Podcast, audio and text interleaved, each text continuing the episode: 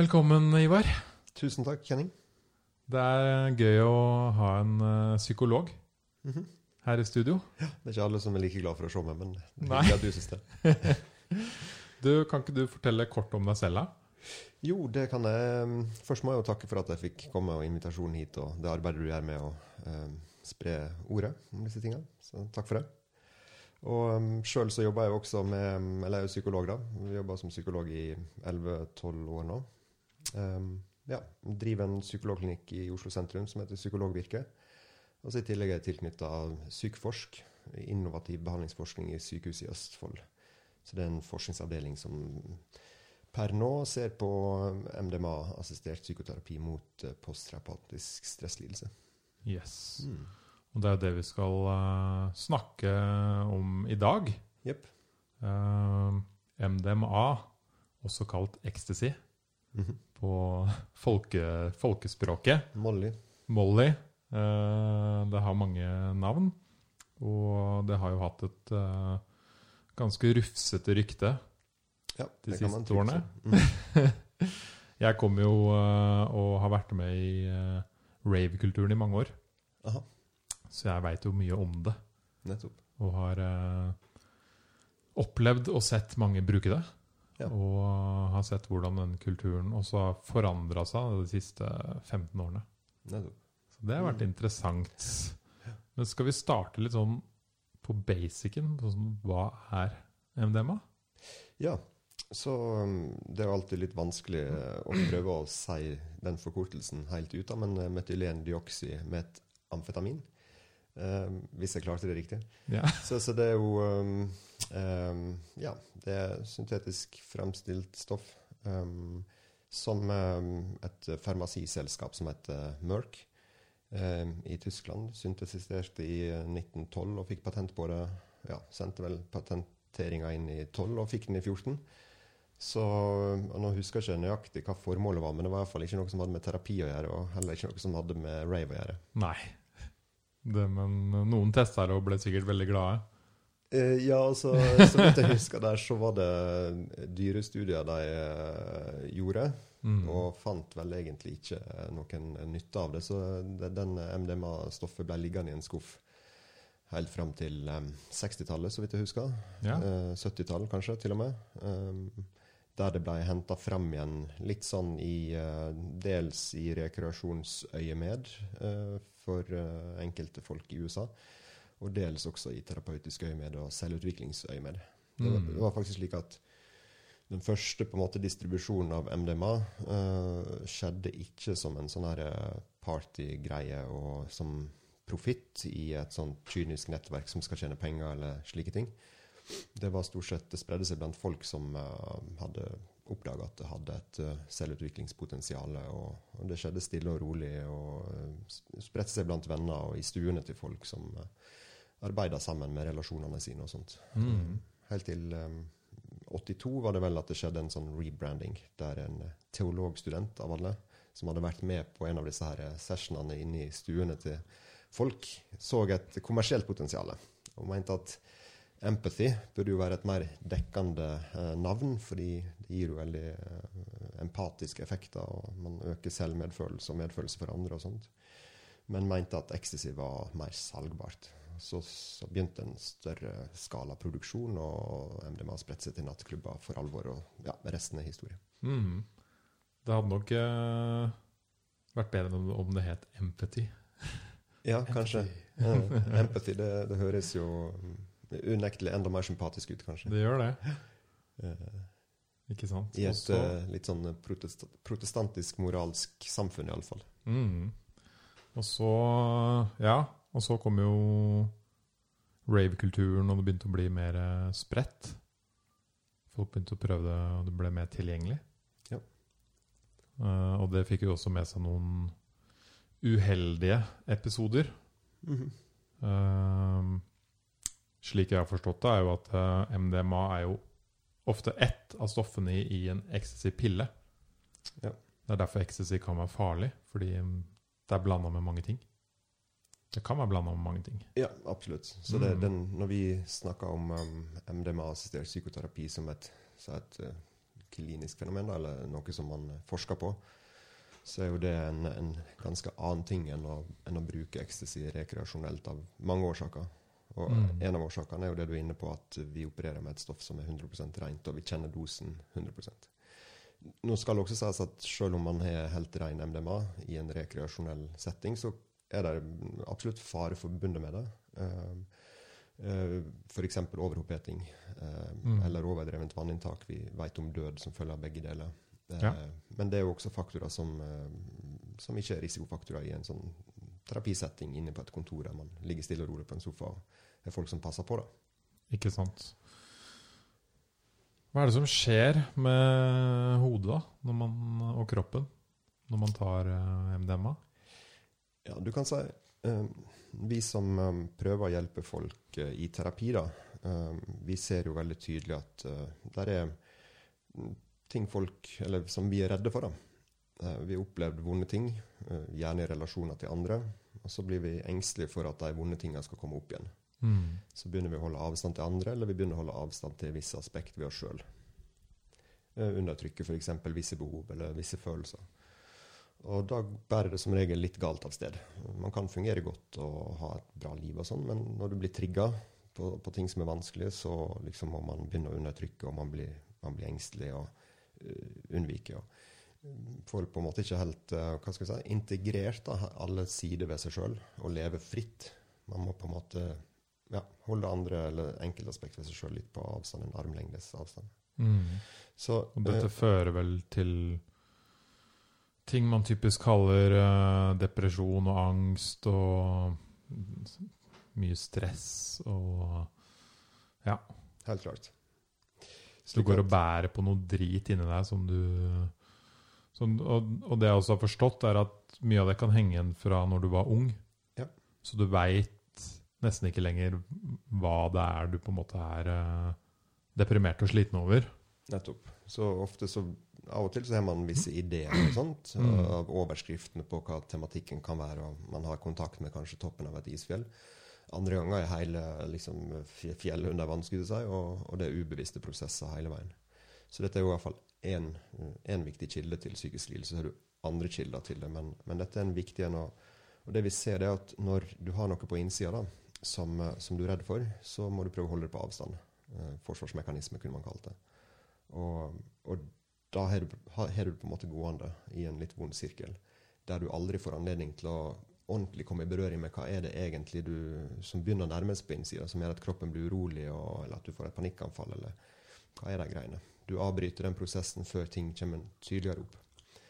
Så det som skjer når vi bruker MDMA i, i, som, en, som et verktøy, som et integrert ledd i en lengre psykoterapeutisk prosess, der man både får samtaler på forhånd og imellom noen enkeltstående sesjoner da, med MDMA. Hvor lang er en sånn prosess typisk?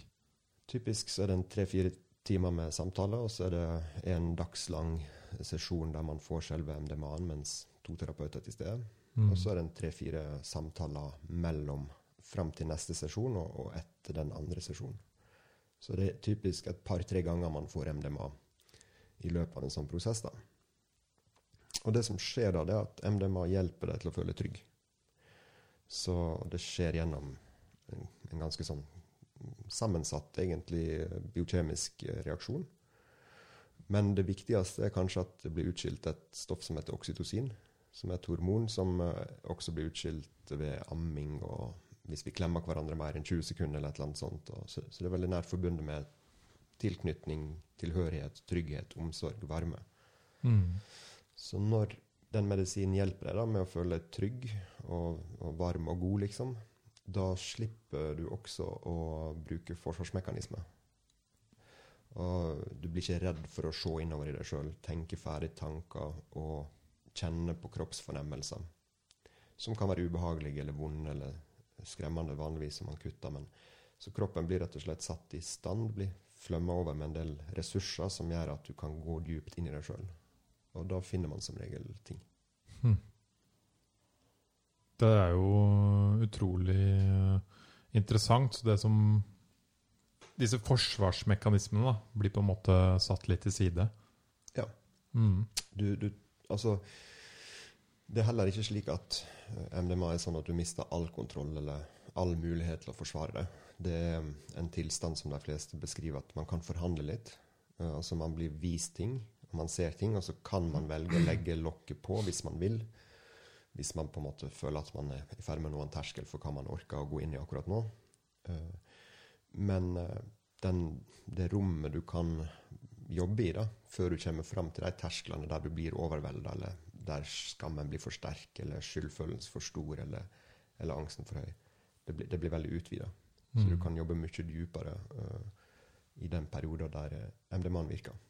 Og når du da har hatt en sånn sesjon på en dag, der du har gått veldig dypt inn, dypere enn du har gått før, og fått bearbeida, fått sett, fått prosessert, istedenfor å bare med en gang et eller annet nærmer seg, så bryter du av med å bli selvkritisk eller gruble eller uh, distrahere deg eller holde deg opptatt.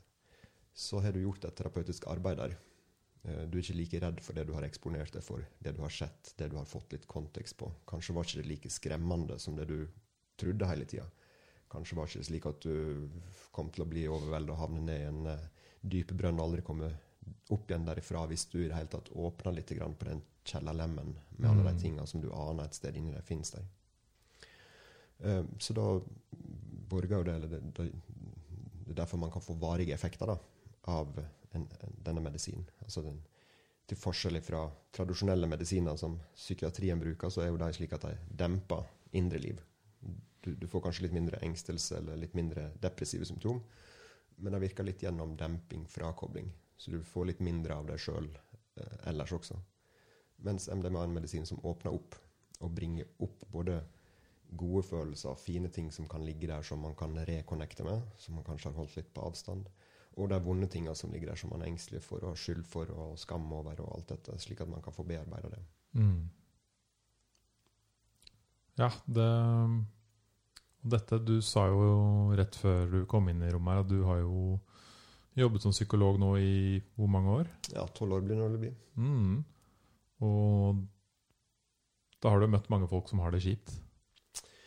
Ja, det, det skal jeg love deg. Ja. Altså det, er jo, det er jo grunnen til at um, jeg har engasjert meg profesjonelt i dette forskningsfeltet. Det er jo nettopp fordi at selv om det skjer veldig mye bra i psykisk helsevern, så er det fortsatt uh, ekstremt mange som, uh, som ikke får hjelp. Og Mm. de fleste som lytter til, kan sikkert relatere seg til at, uh, at man enten sjøl har vært i kontakt med hjelpeapparatet, eller kjenner noen som har vært i kontakt, men som fortsatt sliter ganske kraftig. Mm.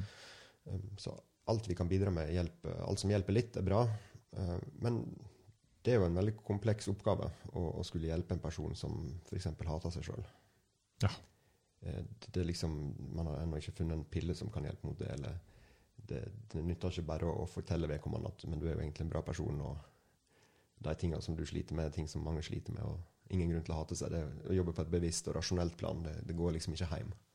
Så der er ofte dype uh, kilder da, Mm. til at man har begynt å danne seg forestillinger om hvem man er, og hvem man kan være, og hvem man absolutt ikke kan være. og sånn. Um, og, og ofte går dette såpass langt tilbake igjen i tid at man, ja, som vi nevnte i stad, ikke har mista litt kontakt med det, og, og, og ser ikke egentlig hvordan dette utvikler seg. Det har bare blitt slik som det er. Jeg er en håpløs person, eller jeg er en dårlig person, eller Mm. Jeg har jo lest litt om forskningen de driver med borte i USA nå. Ja. Og resultatene fra det virker jo veldig, veldig optimistiske, mm. For å si det på en, en, en Da mener jeg en forsiktig måte. Altså eh, Det jeg har sett eh, Hvor mange folk det kan hjelpe, Mm. det virker jo nesten litt, nesten litt for bra for å være sant. Ja, altså Det er veldig lovende, de resultatene man har Mm. hittil. Og det er derfor det er så viktig å, å undersøke liksom alle lovende modaliteter når, når vi jobber med en så krevende materie som det å hjelpe folk med psykiske vansker er. Og det fortsatt er så mange som sliter, så, så, så er det synd at det er mange dårlige grunner da, til at man ikke får avklart det terapeutiske potensialet. For det er klart det har vært mye fordommer, mye stigma. Det at det også er et rusmiddel, har på en måte ødelagt veldig mye. Mm.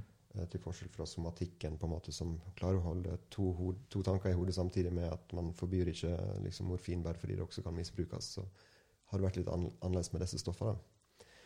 Eh, så, og de resultatene som hittil har kommet, har vært som sagt, som du nevner, veldig lovende. Men uh, det er klart, vi trenger mye mer av de data for å kunne si noe sikkert om dette kan bli godkjente legemiddel eller ikke. Kan du si noe om den dataen som han, man har funnet ut nå?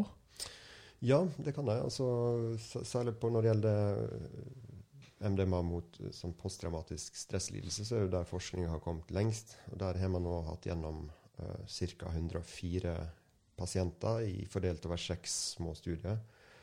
Og Der ser man um, på langtidsoppfølginga, uh, uh, altså etter ett år etter behandlinga er ferdig, at det er to tredjedeler som ikke lenger har diagnosen.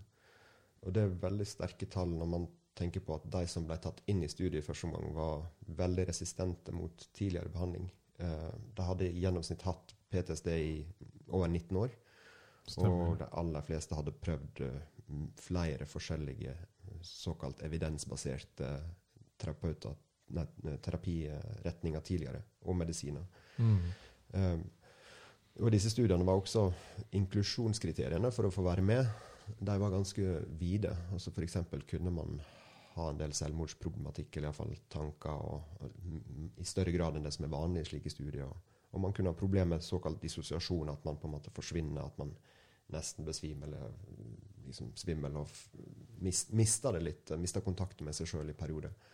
Eh, ting som typisk eh, man eh, ekskluderer folk på i, i, i vanlige PTSD-studier.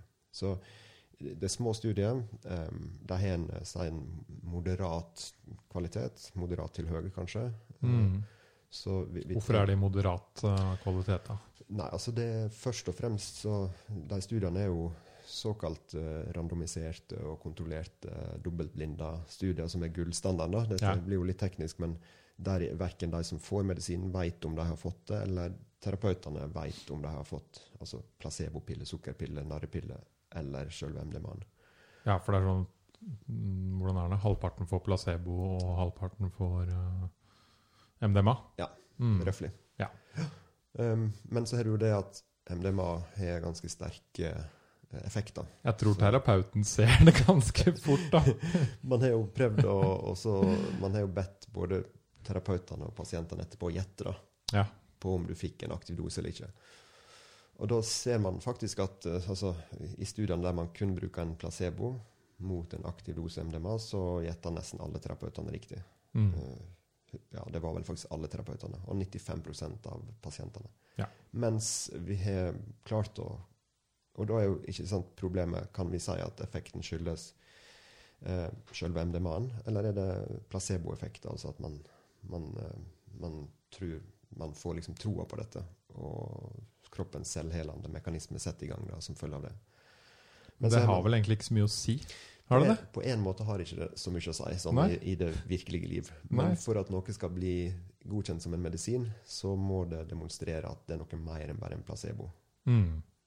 Så sånn sett så er det ganske viktig. Og hvis ikke MDMA blir godkjent som en medisin, så er det heller ikke noe som vil være tilgjengelig i behandling. Ikke sant. Men når du sier til meg altså 19 år gjennomsnittlig mm. PTSD mm. Og etter et år så var to tredjedeler på en måte de kunne si at nå har jeg ikke PTSD lenger. Mm. Hva er de vanlige tallene? Ja, altså for eh, det, det kommer jo veldig an på studiene og, ja. og, liksom, og, og, hvem det er man undersøker og sånt. Men det, man kan si at det er sammenlignbare tall med andre studier. Men da er det jo gjerne studier som ser på folk som ja, f.eks. ikke har selvmordsproblematikk, ikke har dissosiasjonsproblematikk, ikke um, har vært så kronisk behandlingsresistente, prøvd så mye tidligere. Ja, For det virka jo som de tok veldig mange av de som hadde prøvd alt, da. Ja. Så, så jeg, jeg, tenker sånn at vi, vi vet fortsatt for lite om hvorvidt MDMA vil være faktisk ende opp med å være bedre enn behandling vi allerede har. Det, det gjenstår å se, det må vi være mm. åpne for. Det som, det som er viktig her, når vi diskuterer og skal sammenligne, på en måte, så er det jo at det er ingen terapimetode som virker like godt for alle. Uh, til alle tider, i alle utviklingstrinn uh, i en helende prosess. Slik at vi trenger denne paletten av ulike modaliteter som kan hjelpe folk, ulike folk. da. Mm.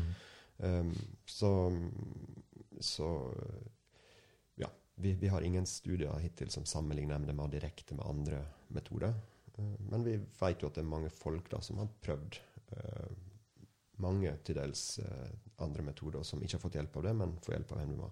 Mm. Det vil sikkert også være slik at det er noen som ikke får hjelp av MDMA, men som kan få hjelp av en, av en, annen metode. Da. Selvfølgelig. Mm. Sånn er det jo på en måte med alt. Ja. Men det kommer til å være vanvittig spennende da, å følge med framover på disse tallene. To av tre på en måte holder seg over tid, og om det er det samme resultatet i nye studier. Eksakt. Mm. Det blir veldig spennende. Så ja. det, det, må, vi er jo si, forsiktige optimister. Og håper jo på gode resultat, men først og fremst når man Altså, jeg har jo ett bein som forsker, og da er det jo sånn at man, man er jo på utkikk etter å bare finne sannheten, ikke sant? Og, og, man ser både etter ting som kan tyde på at dette her ikke er så bra, og ting som tyder på at det er bra. Så er jo kliniker, terapeut i tillegg. og og da håper jeg jo selvfølgelig bare at, at, det skal funke, og at det, dette skal være noe som kan hjelpe folk eh, som ikke blir hjulpet av andre ting. Mm. Hvordan er liksom uh, stemninga for MDMA i psykologiverdenen i Norge? Blir det snakka om, og blir det liksom tatt opp, og er det noe dere prater om? Ja, altså heldigvis så så har det skjedd ganske store holdningsendringer bare de siste åra, etter at jeg begynte å engasjere meg i, i, dette fagfeltet. Så jeg vil si at det har gått ifra å være litt sånn uh, stigmatisert til å være cutting edge i løpet av de siste fem åra. Ja. Så i tråd med bare at folk faktisk begynner å lese mm, de altså journalene sine, skulle jeg si, altså de medisinske tidsskriftene og artiklene som faktisk kommer ut, og, og, og ser mer nøkternt på tallene. da istedenfor å henge igjen i litt gamle oppfatninger i kjølvannet av krigen mot narkotika og mm. whatever hippietider. Og, og anekdoter, altså historier man hører både om ja, enkelthendelser der ting har gått galt uh, i en rekreasjonell setting, eller, eller motsatt, at man blir veldig opptatt av de få enkelthistoriene som er veldig bra, og så blir man heller overbevist. og sånn. Så, så for, for, oss handler det om å faktisk få en mulighet til å å forske på dette og avklare for hvem dette kan være et alternativ som kan eh, endre livet. Mm. Og for hvem det ikke kanskje funker for, og, og under hvilke betingelser er det det fungerer best. og uh, Kan man utløse det potensialet for terapeutiske prosesser som vi jo vet finnes der, på en skal vi si en, en, en pålitelig måte for store folkegrupper, og mm. eventuelt for hvem da. Mm.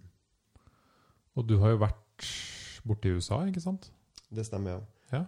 Så som en del av opplæringa. Så i fjor så har jeg ja, For du har tatt denne opplæringen i hvordan det skal gjøres mm -hmm. i en terapeutisk setting? Det er riktig. Ok. Ja. Så du er på en måte klar for det, egentlig? Hvis, hvis du får uh, stempelet fra, fra, staten? Ja, nå you can jo, do it. Ja, så nå har vi jo uh, alle godkjenninger på plass uh, for å, å, gjøre det første studiet på, denne, på traumepasienter og bruke MDMA på Sykehuset Østfold. Og Da har vi jo fått opplæring i hvordan vi skal drive denne terapien fra sponsor til studien. Da. Og Det har også innebært å, å, å reise over der og, og, få oppleve hele pakken, da, både i et godkjent studie. Da. At man, uh, man, får disse forberedende samtalene med, med, to terapeuter. og så Den ene sesjonsdagen så får du en pille som enten er MDMA eller placebo. og så eh, Noen dager seinere får du det samme. da altså. Mm. Hvor mange var dere på det den treningen, holdt jeg på å si, fra Norge? Så hittil så er vi uh, et uh, par stykker som har fullført den treninga, og så er det et par stykker som er i ferd med å fullføre den. Så mm. vi er mm. fire, snart fire da, som, som er godkjent uh, sertifiserte MDMA-terapeuter. Ja. Mm. Så alle dere dro til USA, og dere måtte selv gjennom denne behandlingen, eller både forstå den, observere den, men også være med på den? Ja. Slik jeg forstår? Uh, etterpå så satt dere rundt, uh, rundt middagsbordet. Hva snakka dere om da? Så jeg, jeg, kan jo bare snakke for meg sjøl, egentlig. Så, mm. så, jeg reiste jo bort der uh, på egen hånd og, og, møtte de to terapeutene og, og, gikk gjennom alle testene og, og disse forberedende sesjonene og placebo-sesjon og MDMA-sesjon. Og um, for, for, meg ble det jo egentlig bare altså, Det var jo noe som kom veldig seint i, i, i, min eh, Hva skal jeg si Mitt uh, engasjement i dette fagområdet.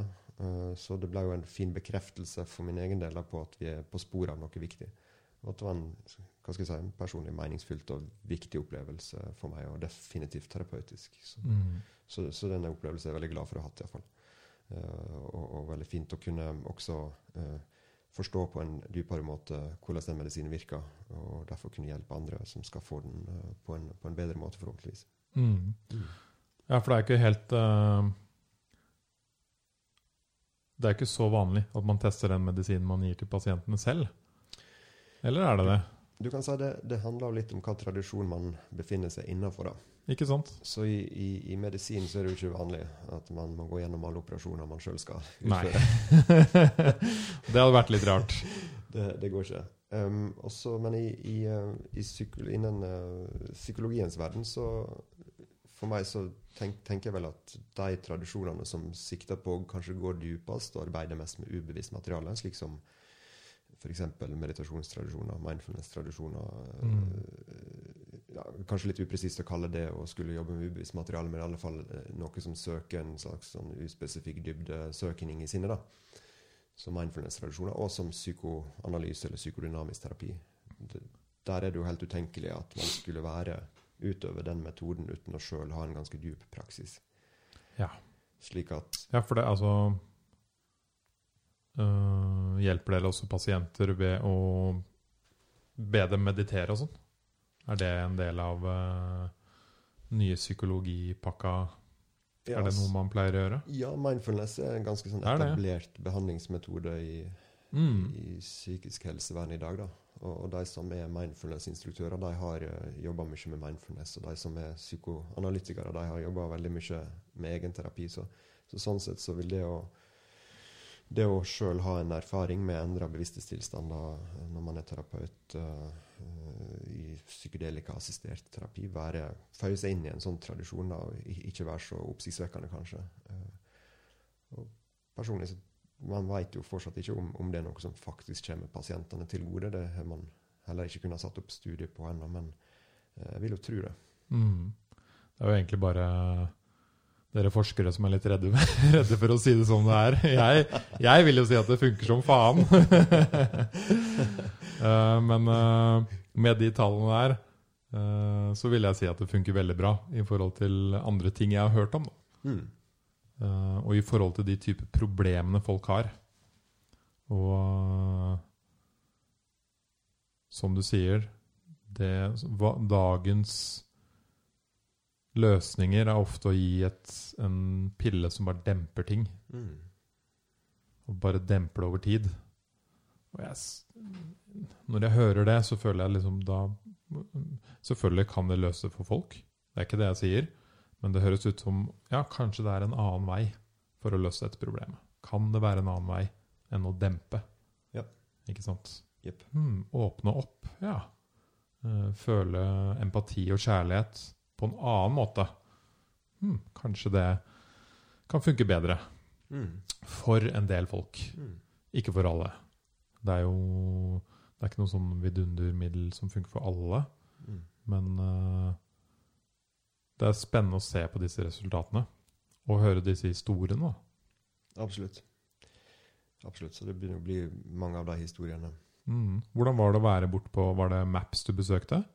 Eller var det et universitet, eller hva? Uh, ja, det var uh, MAPS, da, Multidisciplinary Association for Psychedelic Studies, mm. som, uh, som er sponsoren til de studiene som vi skal i gang med i Norge. Og, og som disse store fase tre-studiene, som det heter, siste, de siste store studiene før eventuell legemiddelgodkjenning. Så, så, det er organisasjonen som, som driver alt dette framover. En non-profit, faktisk. Så det er definitivt den første non-profit-organisasjonen som noensinne har vært i nærheten av å bringe en medisin til markedet. Det, wow. Til det er det jo altfor dyrt, egentlig. Hva er deres grunn til å gjøre det, da? Altså, Det er idealisme, egentlig. altså. Mm. Så, så, det er vel uh, enkeltpersoner der som bare har, har sett um, Som var med på den første bølgen da, av uh, terapeutisk bruk lovlig før uh, MDMA ble forbudt å bruke i en slik setting i 1985. Så, så da var det jo faktisk eh, en konferanse som ble avholdt, internasjonal konferanse i 1985. Um, det var et hundretalls terapeuter som, som, brukte MDMA på et tusentalls pasienter. Og, og selv om det ikke var noen sånne veldig høykvalitetsstudier som ble gjennomført, så var det jo en del ukontrollerte undersøkelser og sånt. Og, og alle som jobba med det, så jo at her var det et stort potensial. Og, mm. og klienter eller pasienter da, som fikk det, fikk det bedre og, og sånt. Så, så, når det ble forbudt, så var det jo da en, en gjeng folk som bare samles for å prøve å, å gjøre det de kunne for å um, ja, gjøre det mulig å bruke denne agenten i terapien. da. Så de har holdt på nå i mange år blir det? Hva var det du sa? Ja, fra 86. Ja. Så ja, 35 år eller noe, da. Ja. Ish. de har holdt på i det er, det er fightere da, som virkelig tror på, på saken sin. Det er det. Det, mm. kan, du, det kan du trygt si. Altså. Så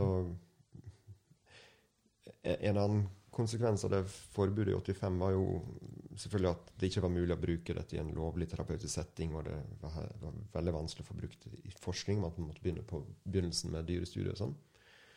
Mens rekreasjonsbruken den ble jo ikke regulert, eller den ble jo ikke stoppa. Det, eneste, det man ville stoppe, var jo rekreasjonsbruk, men det er jo det som ikke blir stoppa. Du, du, får ikke stoppa undergrunnen? Nei. Nei. Og, og, det gjorde jo også at uh, mange av de, eller iallfall flere av de terapeutene som, som drev med det lovlige fram til 85, uh, eh, fortsatte med det under grunnen. Ja. Så, og det En person sa, sa jo at uh, hvis du oppdager sjelens antibiotika, så forlater ikke du det bare fordi det blir ulovlig.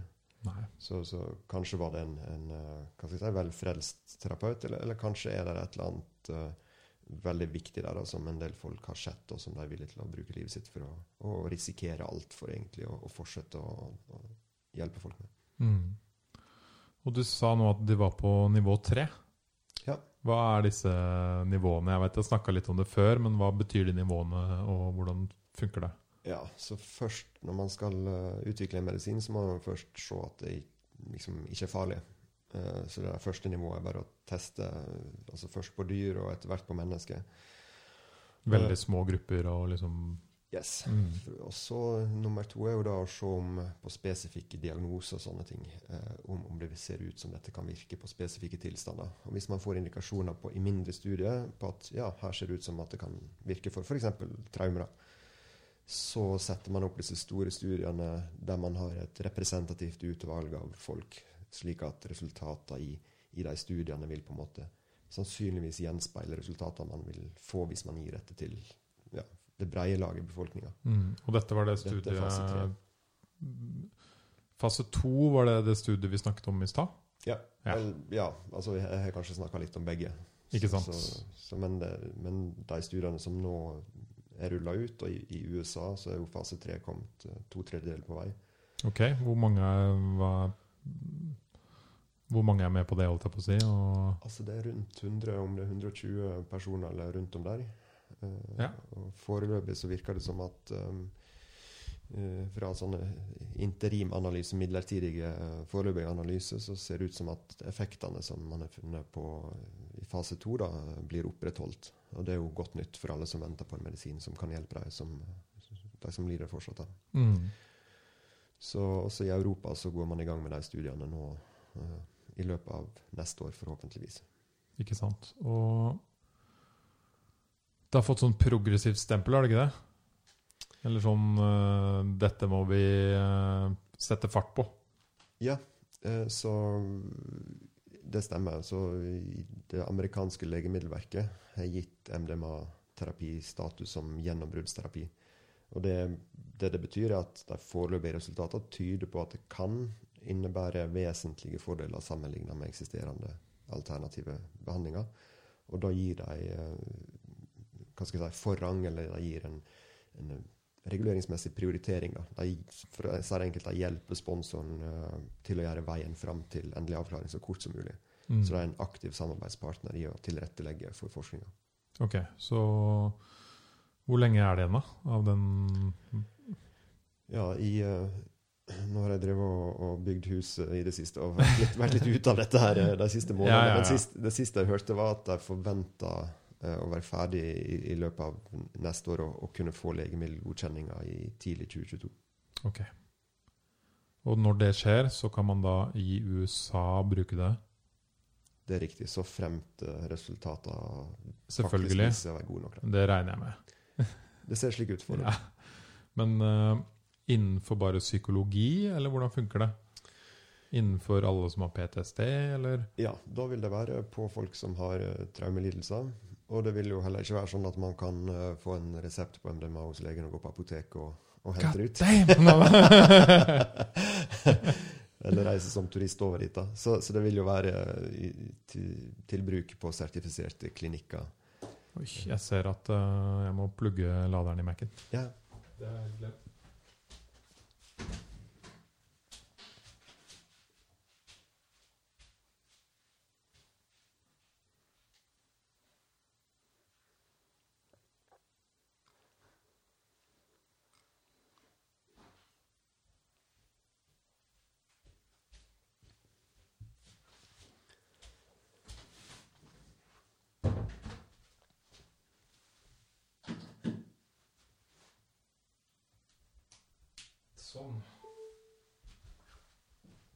Kjipt om den tok kvelden. Ja. Ok, så da Hvor var vi? Da kan man bruke det mot traumer. og på sertifiserte klinikker. da. Ja. Så det er jo, en ting som skeptikere også har. altså sånn som skjedde med f.eks. ADHD-medisiner, som også er jo for så vidt et amfetaminpreparat. Så, så at det skjer en slags utglidning i henvisningspraksis og, og sånt, så, så er ikke noe som ser ut til å være på trappene når det gjelder MDMA. At det vil bli, bli holdt innenfor denne, denne rammen av eh, et terapiforløp på, på spesielle klinikker. Mm. Mm. Hvordan vil det påvirke Europa og Norge? Så um, foreløpig så tror jeg det ikke vil påvirke i vesentlig grad, bortsett fra at det europeiske medisinbyrået også skjelner til de data som USA har produsert, når de setter kravene og sånt for hva man må ha av europeiske data før, før de vil godkjenne det i Europa også. Mm. Men øh, ok, betyr det at basert på det man ser i USA, så kan man godkjenne det her òg? Man trenger også data på europeisk publikum, Du, må- du må ha det, ja? men du må nok ha øh, nå kjenner jeg ikke detaljene, men du må nok ha litt mindre av de data. altså at Det, det hjelper på. Det gjør veien kortere. Ja. Mm. Og så er vi jo nå i Norge. Hvordan øh, ser det ut her? Du snakka noe om at dette hvert skal begynne å prøves ut her. Så, så vi, eh, vi har fått godkjent nå en studie som en, eh, en forløper til den store fase 3-studien som skal skje i Europa, i flere forskjellige land.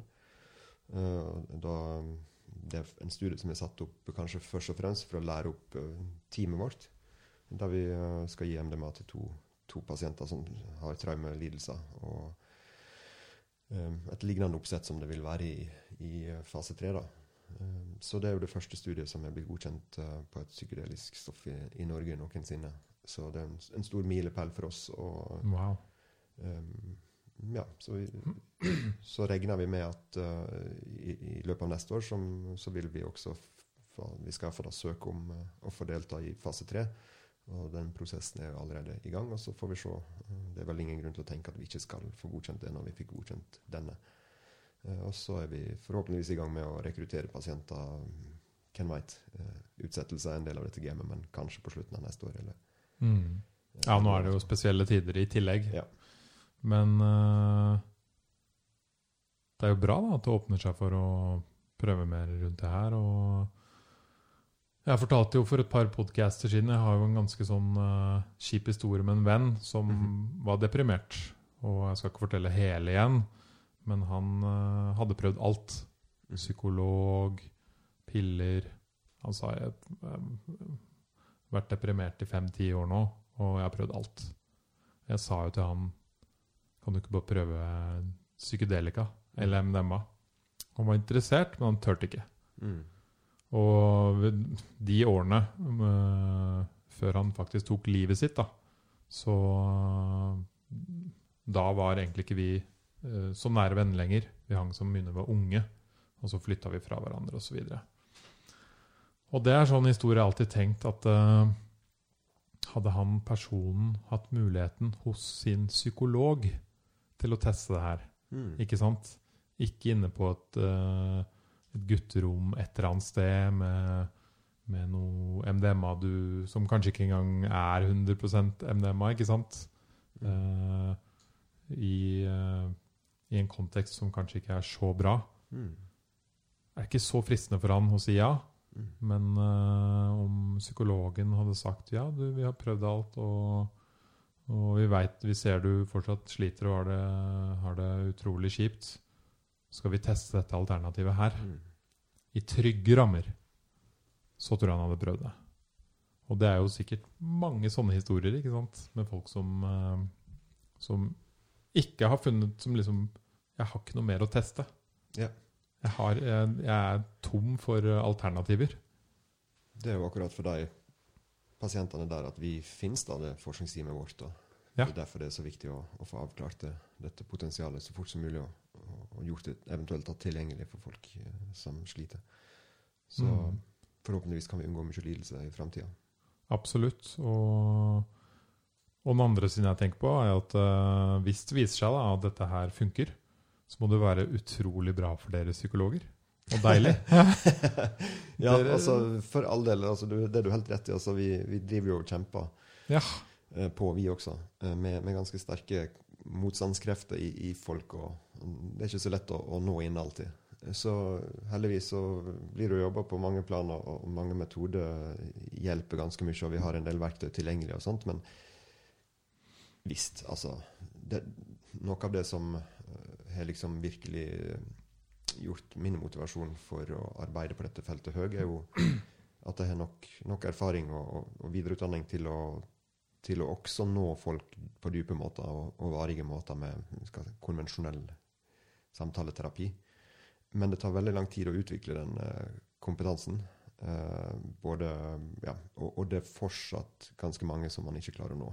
Mm. Så det å, men det å ha den erfaringa av at du kan nå dypere, og du kan nå flere, og det å faktisk se hvor stor forskjell det er mellom de personene du når i det, på de dypere nivåene, og de du bare hjelper på en litt overfladisk måte, eller kanskje av og til ikke i det hele tatt, er så enorm.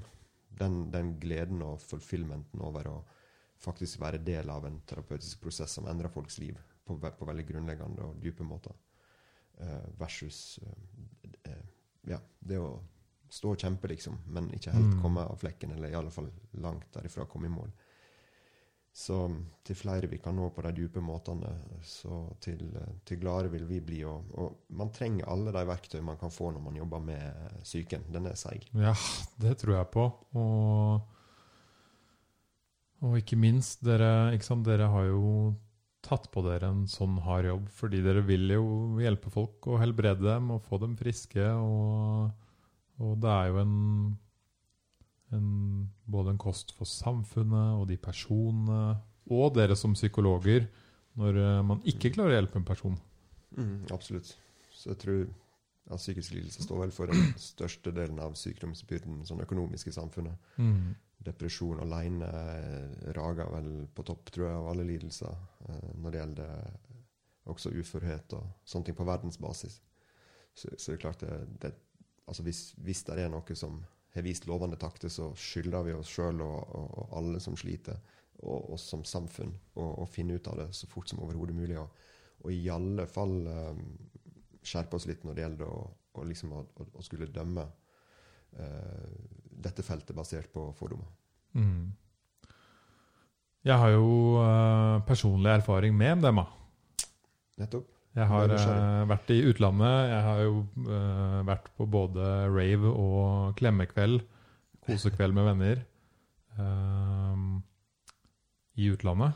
Og har hatt veldig god erfaring med det. Har utelukkende blitt et bedre menneske av det. Mer empatisk. Veldig mye mer åpen. Uh, mye mer glad i de rundt meg på et dypere nivå, da. Ha. Det er ikke ofte du sitter med gutta og liksom ordentlig klemmer dem en hel kveld og sier liksom ah, 'Jeg elsker dere, gutta', og nesten gråter. Det er ikke ofte man gjør med gutta. Eller venninne i livet sitt, ikke sant? Mm. Uh, og Jeg har jo hørt folk si det. Det er som å få liksom 1000 klemmer og kjærlighet på en gang. ikke sant? Det er ikke så ofte du får det. Og det er veldig, veldig mange som bærer noe på skuldrene sine hele tiden, hele dagen. Og jeg ser jo spesielt gutter har jo en sånn veldig sånn tøff uh, Hva skal man si skjerm foran seg hele tiden. Mm. Skal ikke vise så mye følelser. Og det er Mm. gutta, ikke sant? og den skrelles veldig fort bort da, Mm. når man har tatt MDMA. Jeg går ut fra at når man hører slike historier, så kan, kan man lure på ja, men hvordan var det dagen etterpå. Ja. Um, nå er det veldig stor forskjell på å ha vært på en heftig rave og stått til seks om morgenen. Da er du jævlig sliten i et par dager. Mhm. Og det er ikke på ingen måte det, den måten jeg anbefaler å, noen å prøve det her på. Og man skal ha veldig stor respekt for det. Mm. Og, og så finnes det veldig mye dårlig MDMA der ute, ikke sant? Mm.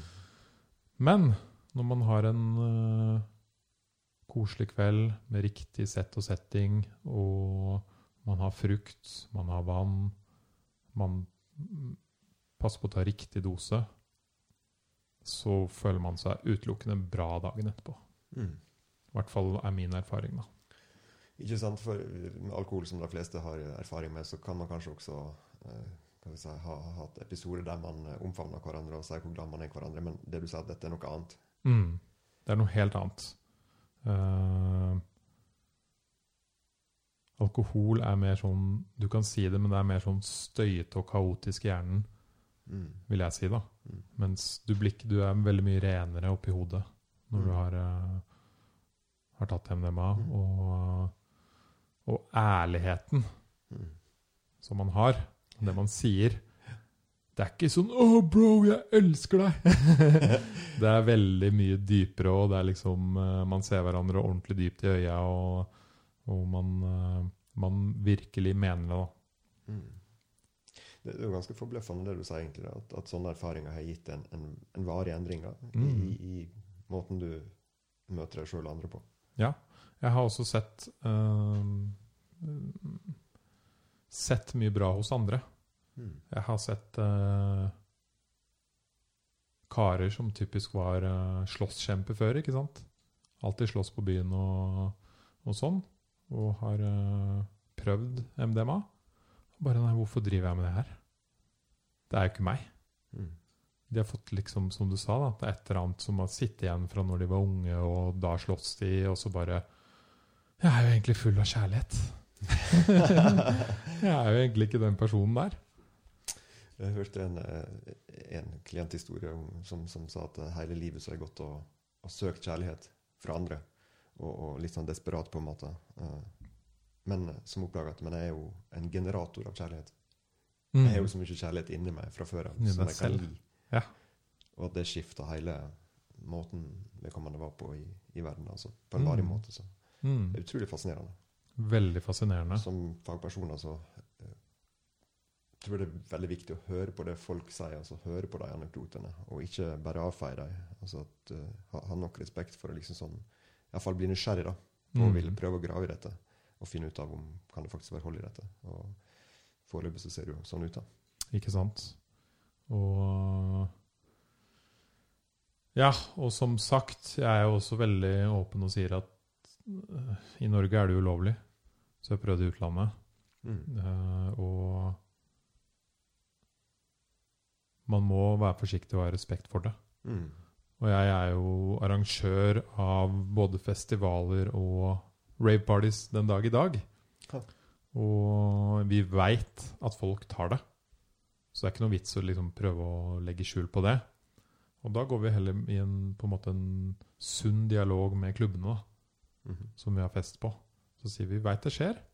Hvordan kan vi håndtere på en god måte? Mm. Hvordan kan vi liksom legge opp til at det ikke skjer noe, gæ noe gærent da, Mm. med de folka? Og hvordan kan uh, man heller uh, utdanne folk Mm. på hva som er riktig? Ja. Og det tror jeg er en av de store forskjellene fra Det var vel kanskje 10-15 år siden nå at uh, den store rave-bølgen med ecstasy var, hvor det døde mange mennesker. Mm. Og den store forskjellen nå er at folk har så mye bedre tilgang til informasjon. Mm. Det har jeg merka. Så du møter ikke lenger en person som bare ah, 'Ecstasy, jeg aner ikke hva det er.' For det er så lett å finne det ut. Google det og liksom få informasjon. Og vite hva det er, da. Og det har gjort det mye tryggere. Mhm. Så er det selvfølgelig fortsatt sånn at uh, ha respekt for det.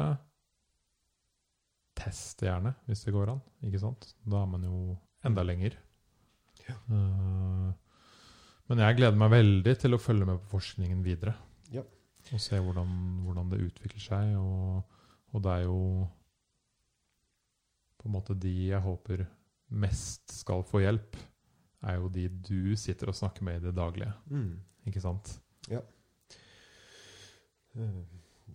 Vi kunne saktens, eh, de fleste av oss, ha godt av å røske opp i en del tilstivna mønstre og begrensninger vi har satt på sjøl. Og, og, og vi har vel alle mer eller større eller mindre grad av skjold rundt følelsene våre, og, og hvor frie vi er til å uttrykke kjærligheten vår og alt Mm. sånt.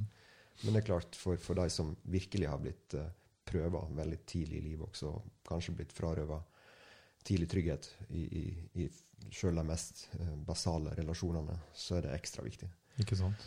Um, så, Jeg vil jo for så vidt også fortelle skyggesiden av det, som jeg har Ja. observert. Det er viktig. Ja, det tenkte jeg meg på. Ja. Fordi um, spesielt ah, Kanskje når man er litt yngre enn meg, mellom 20 og 25, 26, 27, i de miljøene jeg har sett, da, og så er det alltid noen som eh, tester det på fest, eller på rave, eller i en litt feil setting. Så får man en sånn poff! Superkjærlighetsopplevelse, ikke sant? På den festen. Og bare wow, dette her var jo Dette var jo liksom Wow. Jeg har det litt kjipt i hverdagen, jeg. Dette var jo helt fantastisk. Mm. Og så prøver man det neste helg. Og så prøver man det neste helg. Og prøver man det neste helg etter der. Og de folka har eh, Ikke sant? Dette er ikke noe man skal ta hver helg.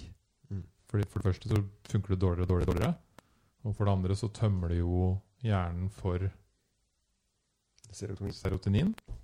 Eh, og til slutt ender det opp med en skikkelig knekk. Mm. Og det er også observert og sett at noen personer har gjort. Ja. Så det er også liksom eh, Den dårlige siden ved det, er at eh, man kan være ung, man kan lett få tak i det. Man kan få en sånn derre Wow, Mhm. dette her må jeg ha hver helg. Det fins jo ikke noe bedre, ikke sant? Mm. Eh, dette må jeg jo bare gjøre igjen. Mm. Det er mye mer fantastisk enn å drikke alkohol. Mm. Ellers kan jeg gjøre begge hver helg. så det, det er også viktig å Ja, for min del også så vil jeg gjerne understreke at det, det som jeg snakker om, er jo en um, i en terapeutisk kontrollert setting som er, som er noe helt annet. Og, mm. og det, det er også slik at hvis eh, Det, det fins jo også eh, altså en, Det er blitt estimert at over 60 000 personer har, fått MDMA som ledd i sånn undergrunnsterapi, kun i Europa, et, etter forbudet i 85. da. Wow. Så at det fins finnes undergrunnsmiljø og sånt. Og, og det er klart eh, de kan sikkert ha varierende kvalitet, men også hvis man har et, de beste intensjoner, den beste settingen, og, og man, man velger å bruke MDMA liksom, under grunn, også i terapeutisk øyemed, så, så er det også noe farer forbundet med det. Altså Både dette med at stoffet kan være ureint, og sånt, men eh, det er også noe med at av og til åpner man opp litt mye litt tidlig. Ja. Så man risikerer at man kan bli ganske sånn destabilisert i, Mm. i psyken sin. Altså hvis man får opp noe traume som man kanskje ikke helt klarer å lande underveis, og heller ikke klarer å undertrykke like godt i etterkant, så kan resultatet være at man får økte symptom. Dette er jo en av de kritikkene som også finnes i fagmiljøet da, mot Mm. å bruke eh, slike åpnende medisiner. Mm. Og om det ikke er slik at vi trenger forsvaret våre, og kan man åpne for fort, og mm, mister man litt for mye kontroll og sånt. Ja, for det er alltid så mange sider av en sak, ikke sant? Så det vi kan si om det, er at i studiene som har blitt gjennomført hittil, så ser ikke man det som et problem. Det er vel knapt noen som har fått det verre i de studiene. Og som regel så er det jo noen som får det verre i løpet av en studieperiode, uansett hva man ser. Ja. Så, men men på, på lik linje med at det er mange historier uh, om eh, personer som har fått dyp hjelp av MDMA. Så det finnes det også mange historier om folk som går inn i det med terapeutisk intent, men som har fått opp litt mer enn det man klarer å fordøye. Mm. Så hvis man da ikke er har liksom en, en steady oppfølging, da. At man ikke er i en prosess der man kan få hjelp til å bearbeide videre, og sånt, så kan man plutselig havne ut på litt grann dypt vann. Så det er også noe som er viktig å, å få formidla, at det er en av farene. Mm. Ikke sant. Kanskje ikke det er direkte farlig, men det kan være ganske plagsomt. Og i, kanskje i verste fall så kan, man, kan det kanskje bære galt av seg. Det er akkurat det, så man skal ha stor respekt for det. Mhm. Og hvis man først har liksom tenkt eh, Altså Det er jo sånn hvis folk først har bestemt seg for noe, Mhm. så gjør de det ganske ofte. Så klarer de å skaffe det. Mhm. Da vil jeg i hvert fall anbefale å lese om det og gjøre det i en trygg sett og setting med de riktige folka. Mhm. Hvis du først har bestemt deg, da. Og så anbefaler jeg deg ikke å gjøre det, men, eh, men jeg veit hvordan folk er. Mm. Eh, har de bestemt seg, så har de bestemt seg. Men det blir vanvittig eh, spennende å følge med på utviklingen neste år, de to neste årene, egentlig. Kommer til å skje masse. Så per nå så ser det ut som at uh, det vil bli et lovlig legemiddel i løpet av 2022 i USA, og, kanskje et par år senere i Europa. Og, og da vil Norge også følge etter. Mm, Etter alt jeg kan bedømme, iallfall. ikke sant? Så det blir kjempespennende. Det, vi, vi, jeg har et, et uh, håp, iallfall, om, at det- om at det er slik det vil gå, og at vi kommer til å ha et, et nytt, ganske sånn potent verktøy i, i verktøykassa vår. Og det, det er ikke for mange av de verktøyene der fra før av. Og, og sånt, så, så la oss bare håpe. Det, det er jo noe alle burde håpe på. At, at Mm. forskninga vil uh, bekrefte de tingene som du, du nevner, annet, og de indikasjonene vi har fått fra tidligere fase. Så fordi det er klart det, de aller fleste familier er på en, på en måte direkte eller indirekte ramma av psykiske lidelser og, og, og den, ja, den personlige kostnaden. Altså, vi lever her på jorda ganske kort tid. Mm. Så det å, det å få, få klarhet i det potensialet og tilgjengeliggjort medisiner som kan virke for folk før den flammen som vi alle bærer på, slukkes for godt, det, det føles ut som en veldig veldig viktig ting å støtte opp under. Så jeg håper flest mulig vil bidra til å engasjere seg i, i den saken. Og, Da snakker jeg ikke om at uh, dette må bli lovlig, eller dette må vi begynne å bruke nå, men det at det skal være et, uh, et godt miljø, eller at, at det ikke skal være irrasjonelle hindringer for at man skal kunne forske. At, uh, at det skal være et, et forskningsfelt på lik linje med alle andre felt.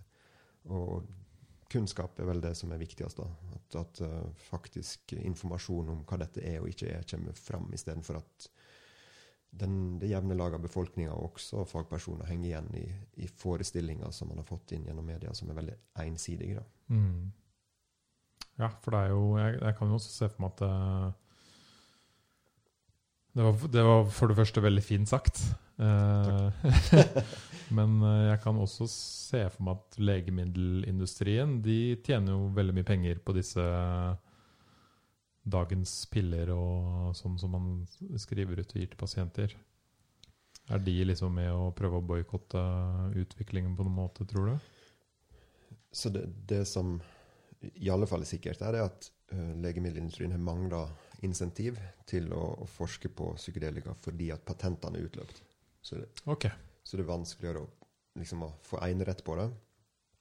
Og det man da eventuelt investerer inn av liksom hundretalls av millioner kroner og milliard, eller dollar, altså milliarder av kroner, Mm. eh, vil jo da andre kunne komme og uh, på en måte profitere på. da. Slik at det er noe med systemet der som er gjort, det, det er veldig vanskelig. Uh, så det er derfor en non-profit har måttet ha tatt uh, den, den tunge børa, da. Og det er derfor det har tatt 35 år også.